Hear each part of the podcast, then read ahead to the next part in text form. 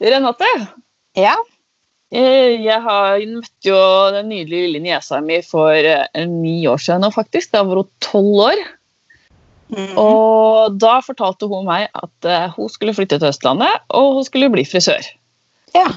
Og hun var jo bare, hun var jo bare tolv, da, så tenkte jeg ja, ja, det er lenge til den, den tid, liksom, så vi får jo se om det blir, liksom. Mhm. Og nå er hun 21 år, hun bor hos oss, og hun er snart ferdig med frisørutdannelsen. Jeg veit. Shit, altså. Da er du stå-på-vilje, altså. Jeg er Veldig. imponert. og jobber hos deg, da. ja. Du er gullungen min, vet du. ja. Ja. Ja, det det. blir spennende å følge henne videre, altså. Virkelig. ja, hun tror jeg vi kommer til å se mye til. Skal jeg være helt Mhm. ærlig. Mm. Uten å smøre på for mye. Ja. Ja.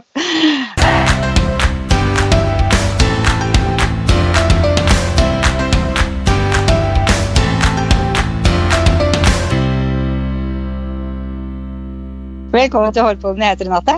og jeg heter Ann-Marit. ja. Ja. Hvordan har uka di vært? Ann-Marit? Jeg syns det har vært en veldig bra uke. Vi har jo fått forsidebilde på magasinet Frisør. Yep. Og ditt Det er jo din, frisyre, som du Ja. lagde òg. I know. helt amazing. Ja, det er det. Herregud, for en følelse. Nå husker vi podden i oktober som snakka om at jeg drev og testa farger Ja. og teknikker, og det var jo den teknikken. Så jeg tenker, Vi har jo jobba himla lenge med det før vi gjorde shooten, og så ble Ja. det så bra. Og så litt ekstra. Ja, så er det litt ekstra morsomt, for det er jo Nisa de som er modellen. Hun ja, samme som vi snakker om. sier. ja, hun som er litt sånn watch out, for hun kommer til å bli bra, altså. Mm. Og hun tok jo 40 bilder bare på slutten, og 28 var så bra at det var vanskelig å velge. Mm. Så Faktisk. det var, det var det en var veldig kul shoot. Og alle bildene ble veldig, veldig bra. Ja, de gjorde det. Mm. Men det var et veldig bra bilde, altså. Jeg syns det var kjempefint. Nei, det var skikkelig gøy å få den beskjeden der. Det, ja, ja, ja. Vi, vi, vi snakka i telefonen, vi da. Vi bare skreik, vi.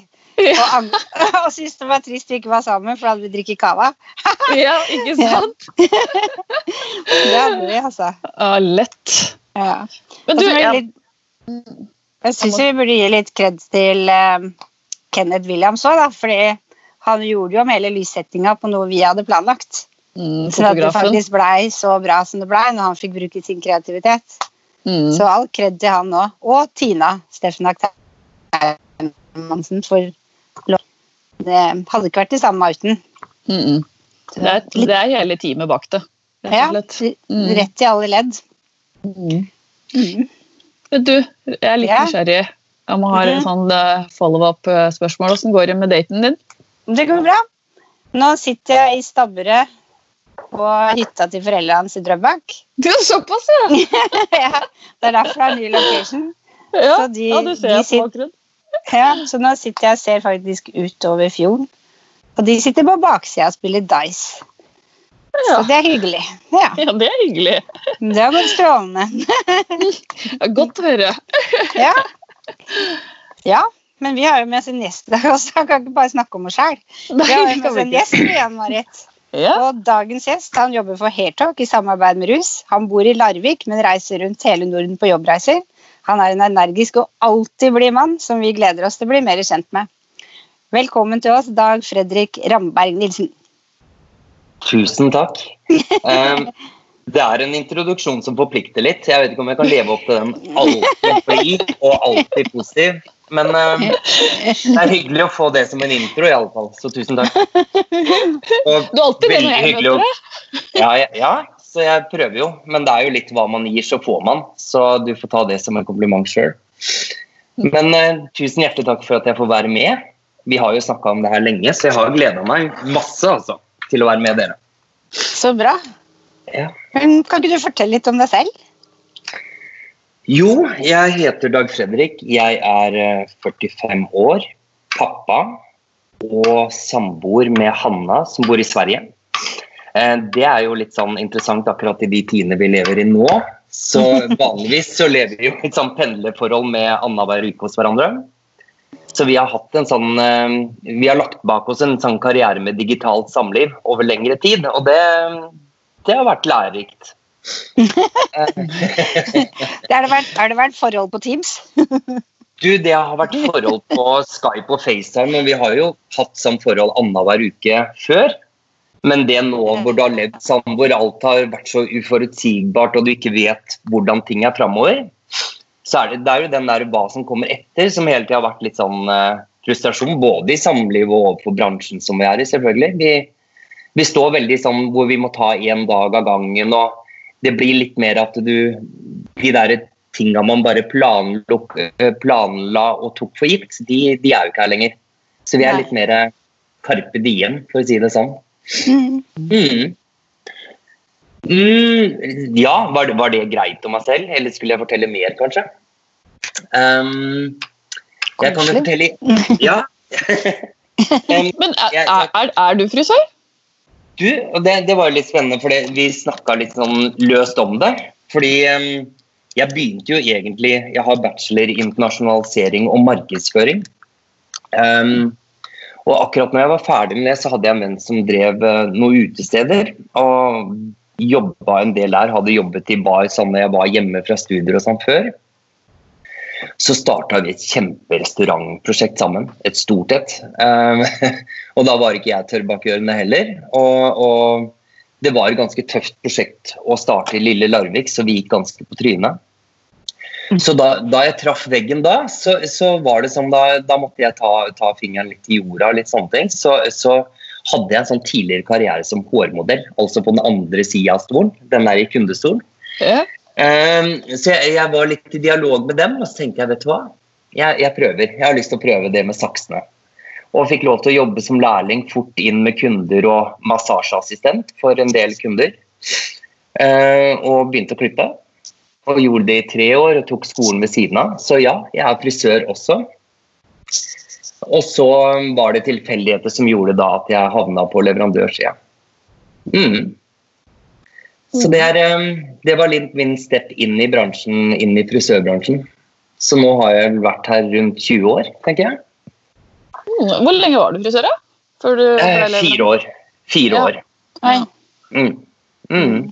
Savner du å klippe, eller? Du, jeg, jeg, er jo så privilegert at Hanna har jo en kjempeflott salong her i Stockholm. Så nå har jeg fått eh, nå, De nye svenske vennene våre har jo liksom fått nyss i deg, så nå får jeg noen sånne små, små standups inne i salongen. Så så er det selvfølgelig Ja, det er kjempegøy. Og det er jo så deilig sånn Jeg merker jo alt det en har savna òg. Den derre um, når jeg begynte å klippe, så sto jeg mye i et kjøpesenter. Så det var mye de blind datesa med menneskene som jeg syns var så veldig fine. Den der at du får ja, en times innblikk i en annens liv. Så, og, og, det fra bar til frisørstol er ikke så stor forskjell bortsett fra promillen. Så du opplevde bare å få bargjestene i edru tilstand. Så, og, da, og det, det, er litt gøy. Har litt mer hemninger, og så er du litt mer den hverdagspsykologen. Så, så jeg tror nok at jeg gjorde det mye bedre som psykolog enn håndverker som frisør. Men jeg hadde veldig mange fornøyde kunder, og jeg, ja, de kom igjen. og ja. Så jeg har jo mange venner jeg har den dag i dag på den frisørkarrieren. Altså. Og jeg, ja. Det er, det er, noe mm. med hvordan man møter menneskene, og hva man kan bety for menneskene. Og nå i utøkt eh, forstand nå med Hertok og rus, hvor vi jobber med eh, parykker og det der fra speilbilde til selvbilde. Hvor vi går enda mer dypere i det mennesket står i. da. For mange kan jo tenke at hairtalk er kun eh, fashion, det er kun mote, kort, langt hår og den delen. Men, men, vi snakker jo mye mer om at vi jobber med selvbilder. Og det, mm. det gjør liksom en større mening, og det, det, gjør jo alle vi frisører. Vi har jo liksom, det er, det er den der unike Vi er jo hverdagspsykologene. Så egentlig så skulle vi ha dobbelt betaling, for vi både mm. fikser hår og fikser uh, sinn. Så ja. Men jeg, jeg, jeg, liker veldig, veldig godt den rollen, altså. Og jeg jeg tror det der med, ikke sant, Sånn som vi lever digitalt, har gjort det nå og vært i karantener og sånne ting. Det der med fysisk nærhet og det der å bli tatt på, være i noens fokus over en time, Mm. Det, det er noe som blir mer og mer en luksusvare i det samfunnet vi lever i. Så det, det skal vi All kred til alle dere som står ute i salongene hver dag. Dere gjør noe som er mye større enn det dere vet. Mm. Men du, du snakka om rus. Eh, rus er jo en familiebedrift. Eh, Ja, Hva er historien til russ? Det er jo ikke alle som kjenner til russ. ah, så moro. Um, Ja. hele, hele oppstarten til, eh, til rus, det starta med en som heter Ludvig Rus, eller Russ. Han kom, fra, eh, han kom til Norge i 1925. Han skulle da innføre permanenten. Så han reiste rundt som demonstrant for noe som heter Kadus, som var et tysk firma eh, fra Köln. Og reiste rundt da for å demonstrere den eh, permanentapparatet, som var blanding av sånn torturapparat og at det faktisk virka. og, og så går det jo sånn med han som noen av de andre agentene som jobber rundt på, på i frisørbransjen, så traff vi han selvfølgelig en frisør som heter Borghild Marie Bentsen, som var damefrisør, og de gifta seg og bosatte seg i Oslo. Og så starta de opp eh, en salong på Astoria, som da var Norges største salong når de starta, eh, rundt 1930. Og i 19, var det 1947 så flytta de da til eh, Thomas Heftis gate, 56, som da Rus ligger i dag. Og de drev da først som frisørsalong, men etter hvert så I 1964 så ble det gjort om til Rus AS. Og da var det Ludvig og sønnen, som var Erik Ruus senior, som da hadde eh, brukt en del av kontaktene fra Tyskland, fått en del tilgang på agenturer når det gjaldt hår og sånne ting. Så etter hvert så blei denne salongen gjort om mer og mer til en ren eh, parykksalong. Um, i, ja, I 1975 så ble jo den frisørsalongen avvikla. Da var det full fokus på hårdeler. Erik Ruud senior tok inn kona si Ellen, som også begynte å jobbe i bedriften. Og Erik eh, junior, som nå heter eh, Erik Rus, han eh, kom inn der i 1997 med sin kone Gerd. Så hele familien, både mann og kone, har gått inn i den driften her underveis. Og nå i dag så er, så er jo vi leverandør av alt innen hår. Dvs. Si hårdeler, parykker, hår for menn, hvor vi driver med helliming for menn. Hairtalk. Og vi driver også med eh, instrumenter for eh, figuromforming eller fettsuging. Og vi driver med implantater. Wow. Så det er eh, så jeg brukte jo, ja, og jeg brukte jo veldig lang tid på å forklare hva jeg drev med i begynnelsen på rus. Og det var jo herlig da når Leo, min sønn, på syv gikk på skolen og sa at faren jobba med hår, pupper og lår. Så jeg hadde noen sånne spesielle møter, de første foreldremøtene og sånn, så, så, så, så var jeg litt sånn litt sånn skeivt blikk fra læreren. Wow, oi, for en historie. Da tenkte læreren at du hadde drømmejobben. Ja, ja de, de blei sånn. Og, de, de, og de, de var litt mer skrekkslagne i venninnene til Leo og sånn i klassen òg, så jeg tror han sliter litt med det der ennå. ja, ja. Sånn er det. Men ja, en vill, fin historie, altså. Ja, det er jo virkelig familiedrevet, liksom. Ja, og så herlig historie. Sånn, underveis så har du jobba så dedikert med hår, og vi har jo vært leverandør av eh, hår til fronten til Rosenkjelleren, hvor de drev sånn lett strippeshow, og vi har jo levert hår til det meste. Og vi er jo kobla opp mot eh, ja, politiet i forhold til de som går undercover, og vi har jo masse spennende oppdrag. Og så er det jo det som står fremst. Ja, og så er det det fremste som er de tre kabinettene som går hver dag med mennesker som jobber med selvbilde, om det er alopecia eller eh, i forhold til cellegiftbehandling. Så ja, det er en uh, utrolig flott jobb eh, kollegaene mine gjør hver dag, altså. Så det er fint. Jeg, jeg blir litt nysgjerrig. det, er, jo tre generasjoner som har drevet, eh, drevet det. Har det alltid gått knirkefritt, liksom? Nei, de, de Eh, sånn eh, økonomisk så har det jo også vært i kriser i forhold til økonomikriser og sånn som Norge har vært òg. Eh, men de har vært veldig flinke og fokusert på drift, fokusert på personalet. Utrolig fokusert på personalet i forhold til eh, pensjonssparing trygghet, hvordan de tar vare på de som er rundt seg. Så du kan si at det er jo ikke mange som eh, har gått fra rus heller. Det er mange som har veldig veldig lange ansettelsestider hos rus. Vi har jo Øystein nå som jobber eh, litt med herre hårdel for menn ennå. 74 år, tror jeg, og har jobbet der siden. Det har vært hans jobb hele veien. Ja, det er jo fantastisk. Ja, det er imponerende, altså. Virkelig. Ja, veldig, veldig. Men- Så, ja, nei, vi er privilegerte sånn, altså. Men du, er vel, Unnskyld. du jobber vel eh, med Hertok? Det er det liksom vi forbinder deg med? Det er det dere forbinder meg med. Så bra. Ja. Og det, er- det er jo det som egentlig har vært hjertebarnet mitt òg. Em, før jeg begynte sammen med Erik i 2012, så jobbet Mm. jeg med Enkelt og greit, som eh, nå heter Icon Hairspa.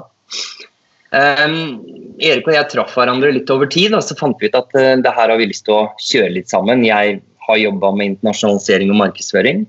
Uh, likte veldig godt både familien, dem som mennesker og det de satt på.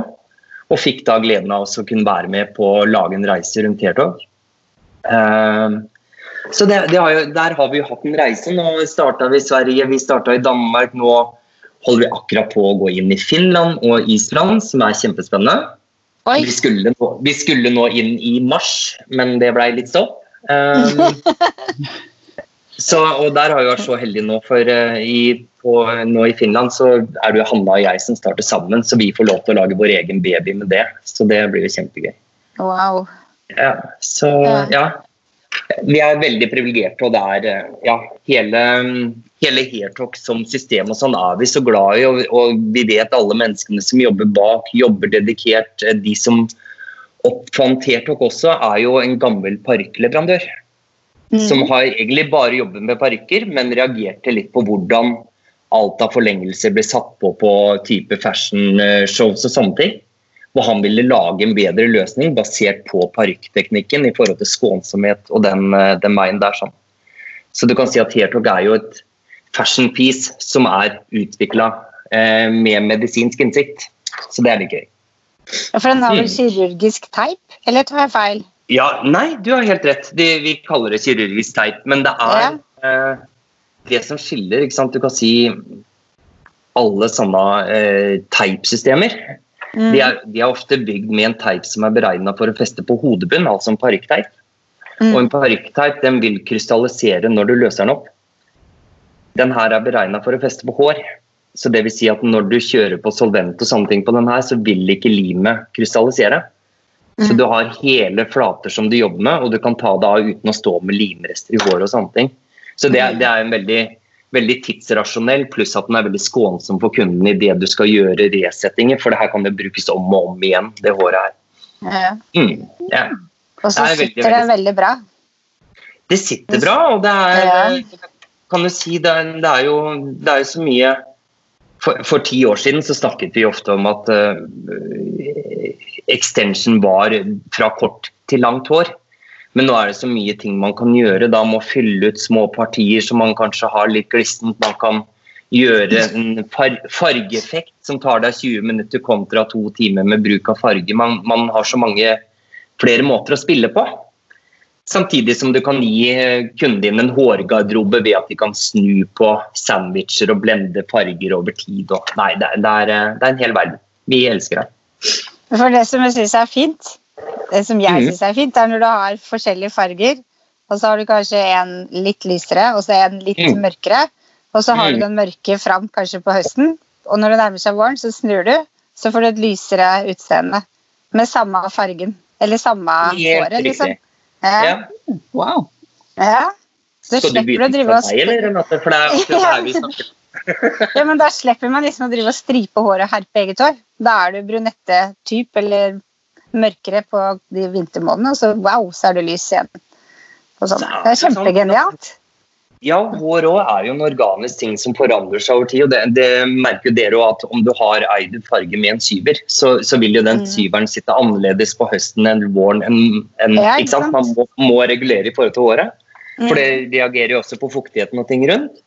Mm. Og så er det jo det der med, med jeg, jeg sier at du, alltid må bruke flere farger, for da får du også det der ton i ton dybdespillet. Du får jo også Ja. det gratis visuelle volumet som man Mm. søker etter som kunde. Mm.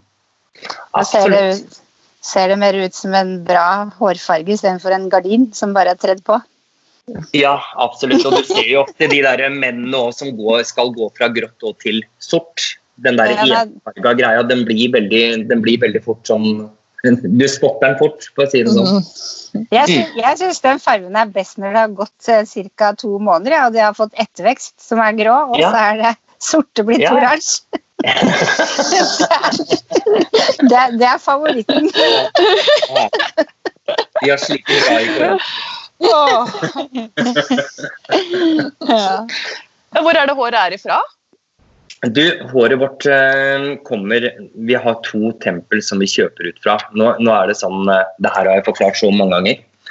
Og det er jeg glad for at jeg måtte forklare mange ganger. For vi har også måttet eh, sjekke opp for å få liksom, verifisert alt av etiske retningslinjer i hele prosessen for oss også. Så det er, det er en viktig sfære det vi er i her. fordi at det er mye hår som ikke kommer helt riktig fram. Vi, vi har to tempel, og de templene er jo sånn Det er jo et hinduistisk renselsesritual som sier at du da skal klippe deg hvis du har sykdom i familien før du skal gifte deg. Så det her skjer av religiøse hensyn, da. og har gjort det i 2000, over 2000 år. Så da kommer man til tempelet, klipper, barberer av seg håret. Det her blir da sortert og da eh, vasket gjennom og dratt ut da i forhold til lus og alt da bak tempelet.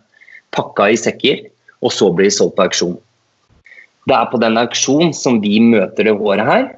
Men vi vet da at de pengene som vi kjøper det håret her, det går inn til tempelet, går tilbake til dem samfunn.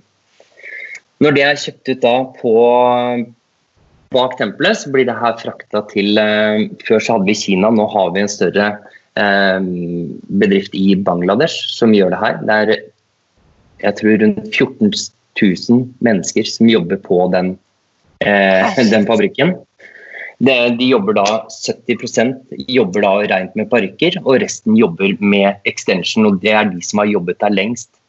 For her har vi jo flere fester med at hår blir festet ovenfra, som små parykker. Vi har masse former for fester.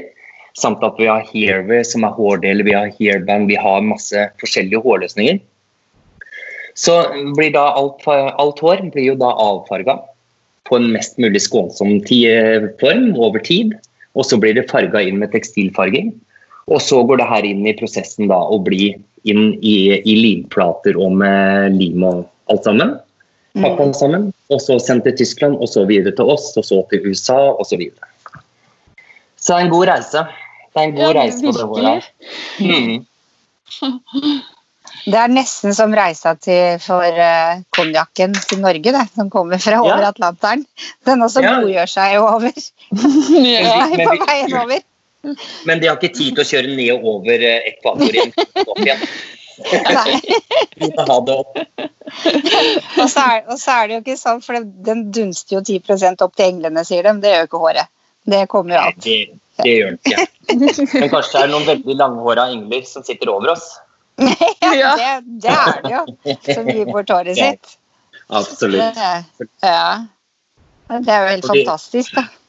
Ja, og vi, vi jobber jo også Vi tar jo også imot donasjonshår òg, som, vi, som vi sender ned. Som vi også får laget om til parykker, hvor vi da selger, og det går en andel også til eh, Rikshospitalet. Og Det også er en fin eh, Den med donasjon, hvor de også får et donasjonsbevis, de som donerer. Så det, det er også en fin sak. Ja, det er. Mm. Er, det, er, det, er det mange som gjør det, eller? Donerer hår? Du, det er eh, veldig mange. Og før så var det veldig mange yngre jenter, men nå er det veldig veldig mange i alle aldre, alle farger, alle strukturer. Så mm, mm.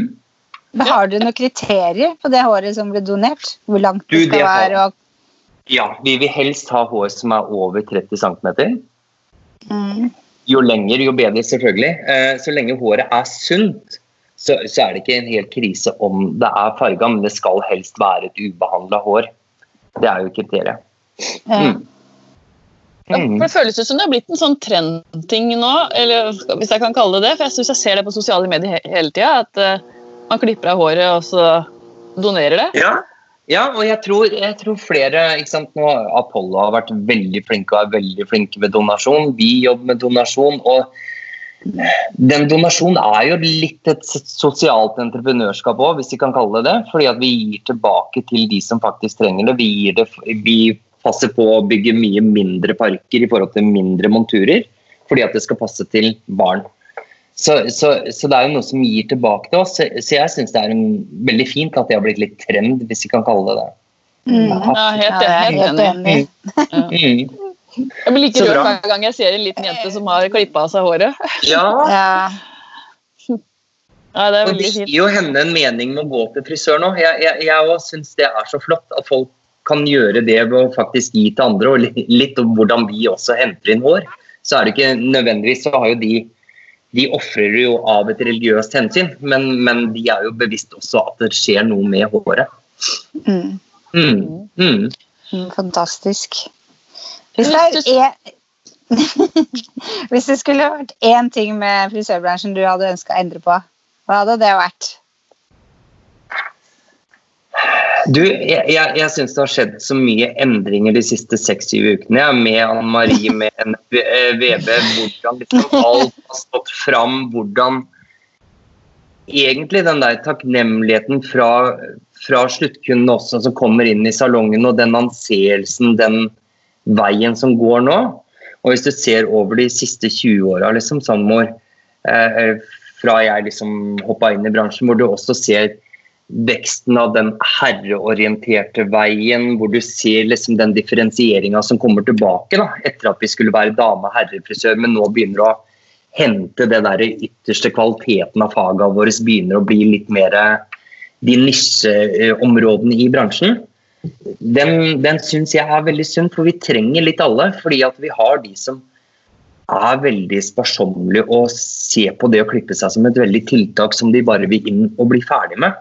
Og så har du de som søker opplevelsen, du har de som søker nærheten. Du, du har så mange forskjellige kundetyper også som kommer inn til salongene. Så, så jeg tror jo litt at at vi har jeg vil jo selvfølgelig at alle skal drive helt lovlig riktig, men, men, det at vi har forskjellige konsepter å gå til, gjør at man ikke står og bruker et veldig findyrka konsept på en feil person. Hvis du skjønner hva jeg mener. Både som mm. kunde og som, eh, som frisør, så er det der mangfoldet så viktig for oss for at mm. vi skal få reindyrka det vi har lyst til å tilby. og har vi det er jo som alt, at Har du et perfekt konsept, så er det alltid noen som misliker det. Og det må det være for at det skal være et bra konsept. Så ja. Så, så jeg syns liksom bransjen er på veldig, veldig riktig vei. Og så er det litt, som jeg sa litt fleipete i stad, at jeg syns nok at etter hvert vi, vi, det blir gjort en mye mer jobb enn bare klippe hår.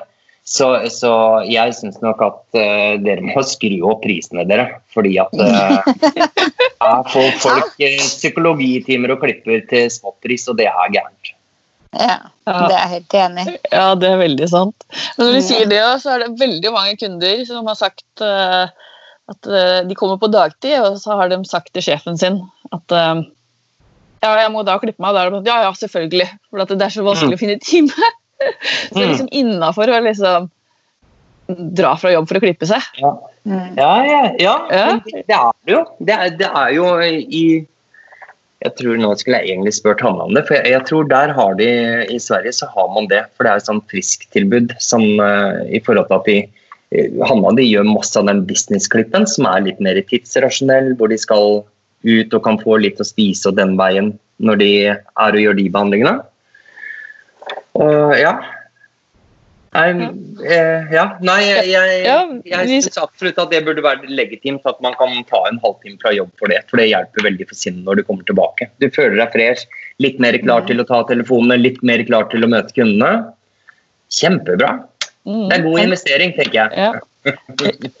Absolutt.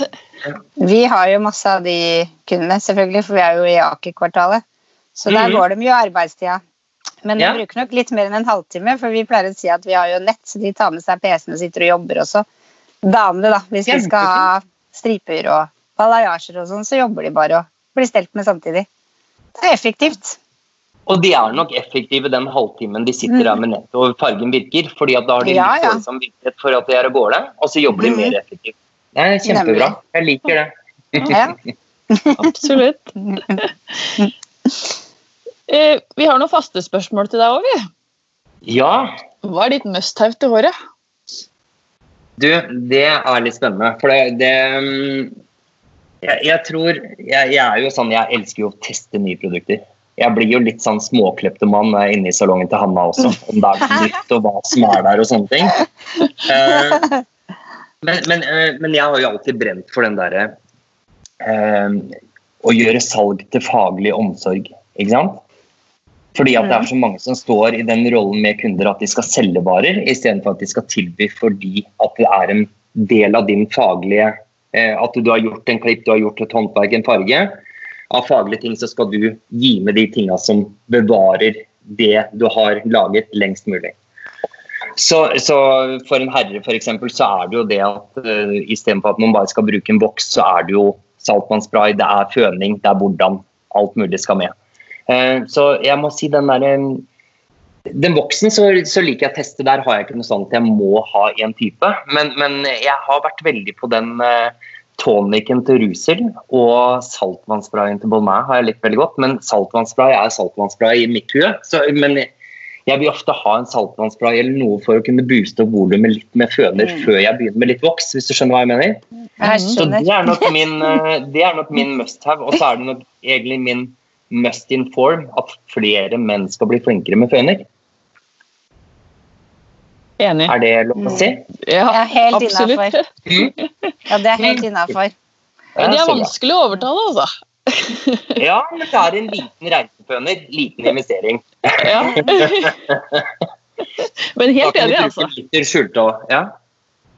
Det er Mhm. sånn der, ja, men Du ordner det alltid så fint. liksom der. Så jeg bare Ja, men føn det litt, da. Vi gjør det mye lettere. Mm, vi gjør det. Mm. Hva inspirerer deg? Mennesker. Mennesker. Eh, mennesker med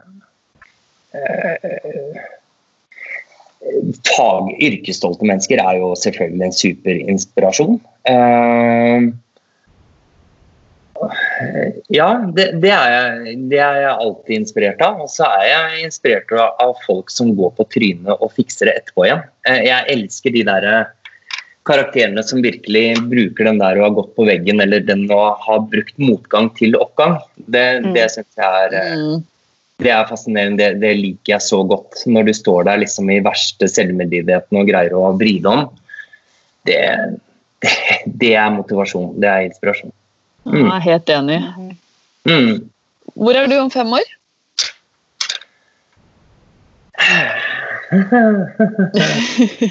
Um, jeg, jeg tror nok jeg sitter foran datamaskin, akkurat som nå. Um, vi får se litt. Det er litt interessant, fordi jeg har jo en sønn Leo, som sagt. Jeg håper jo kanskje han kan bli litt sånn interessert i å kanskje gå en svensk skole sånn fra gymnaset. Eh, Så ville jeg nok kanskje bodd mer her i Stockholm. Jeg elsker å bo her. Men jeg elsker også Larvik. Men, men eh, det er noe med det derre å ha, ha det privilegiet å kunne gå litt inn i Sverige, litt inn i Danmark, det, det litt inn i landet og se litt hva som beveger seg. Og tidligere også med leverandørene som i Italia, og hvordan hele frisørbransjen beveger seg, så er det så mye som en ser bare adapteres fra det ene landet til det andre. Så, så ja, jeg liker det her å bo litt i senter her, så er det veldig lett tilgjengelig til alt. Selv om akkurat det å være svensk i dag er ganske sært. Du ser det blir nekta fra land til land for den sommeren her. Så, så Hanna og jeg skal nok bo i et telt i bakgården her, tenker jeg. Det blir nok Larvik er jo en superfin by, men hvis man Ja, sier, men hvis du sier Stockholm, Larvik, så jeg skjønner det. Stockholm, altså. Hallo. Vi, vi kjørte, men eh, vi skulle ut til Nacka strand i går, og da kjører du fra innerst i ved strandveggen, altså innerst i Stockholm, når du kjører ut der sånn. Og det er, det, er, det er så stort, det er så gjennomført, og du har liksom de store bygga som ja, som man finner i alle europeiske hovedsteder, bortsett fra Oslo. da, For det har jo blitt ut, litt utarma av å være en del av Danmark og en del av Sverige. Så de har jo bare bygd sine hovedsteder i København og Stockholm. Så ja, nei, nei, det er en storhetstid som ligger der, og det er, ja, det er veldig fint. Ja. Mm. Og så er det vel at jeg begynner å få mange venner her òg, så det, det gjør jo sitt, det òg. Tror du sønnen din blir frisør, eller? Du, nå har han vært veldig på etter pilot, brannmann, eh, skogsvokter Han er veldig på Nå er han veldig på kokk. Okay. Nå skal han veldig Eh, helt til jeg ber ham skjære løk, da har han ikke så lyst til å bli kokk lenger. Da har han lyst til å jobbe på redningsskøyta. Skjønner. Så jeg tar det litt som det kommer. Så finner jeg hva han har lyst til. Ja. Men han er en veldig flott fyr, og han er veldig opptatt av at han skal bli den beste utgaven av seg selv. Og da syns jeg at han har lært mye. Så det er bra. Ja, det er sant. Mm. Mm. Så bra. Hvor finner vi deg og Hairtalk på sosiale medier? Du, eh, Hairtalk finner du på Hairtalk Extensions. Og så har vi også noen fagsider som heter Hairtalk Norway, Hairtalk Danmark, som vi lager. Og så har vi da Hairtalk Extensions, som er den kommersielle kanalen, hvor det er mest som blir lagt ut. Eh, vi er jo på Facebook med Hairtalk Skandinavia. Eh, vi har jo også rusparykker, eh, og vi har hår på menn. Og så jeg Dag Fredrik, da. På alt. Dag på LinkedIn og alt. Mm. Ja. ja. Mm. Da er vi kommet til veis ende, vi da, Dag Fredrik. Du, det Tusen er takk vi. Jeg håper dere fikk noe ut av det. Det var veldig koselig å møte dere, iallfall. Ja, Vi er veldig glad for at du ville stille opp. Ja, veldig, veldig glad for at du var med. Så bra. Så bra. Mm. Tusen takk for at jeg fikk være med på showet og greier. Det er bra levert. Altså. Jeg syns dere leverer veldig bra kvalitet. Og det har vært noen jeg må si det har vært, Når du spør hva som inspirerer meg, så må jeg si at en del av gjestene deres òg absolutt kjempeinspirasjon. Og det dere gir, er jo en kanal med inspirasjon til bransjen. Jeg var ikke en eh, elevklasse som dreiv og hørte på dere. Og, nei, jeg, jeg syns dere gjør det kjempefint. Så jeg, jeg er så stolt av dere. Å, tusen takk. Det var snilt sagt. Tusen takk. Så takk for at jeg fikk være med. Og så følg gjerne oss på våre sosiale medier. Mm. Hårpodden Facebook, Hårpodden Instagram. Og abonner gjerne på på um, iTunes. Han satt litt inne i dag. ja, det gjorde det. Og så høres vi neste uke. Ha det! Supert. Ha det bra.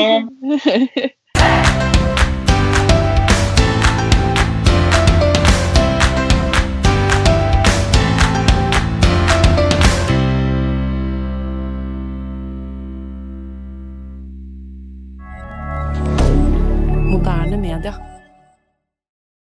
Har du et enkeltpersonforetak eller en liten bedrift? Da er du sikkert lei av å høre meg snakke om hvor enkelt det er med kvitteringer og bilag i fiken, så vi eh, gir oss her, vi. Fordi vi liker enkelt. Fiken superenkelt regnskap.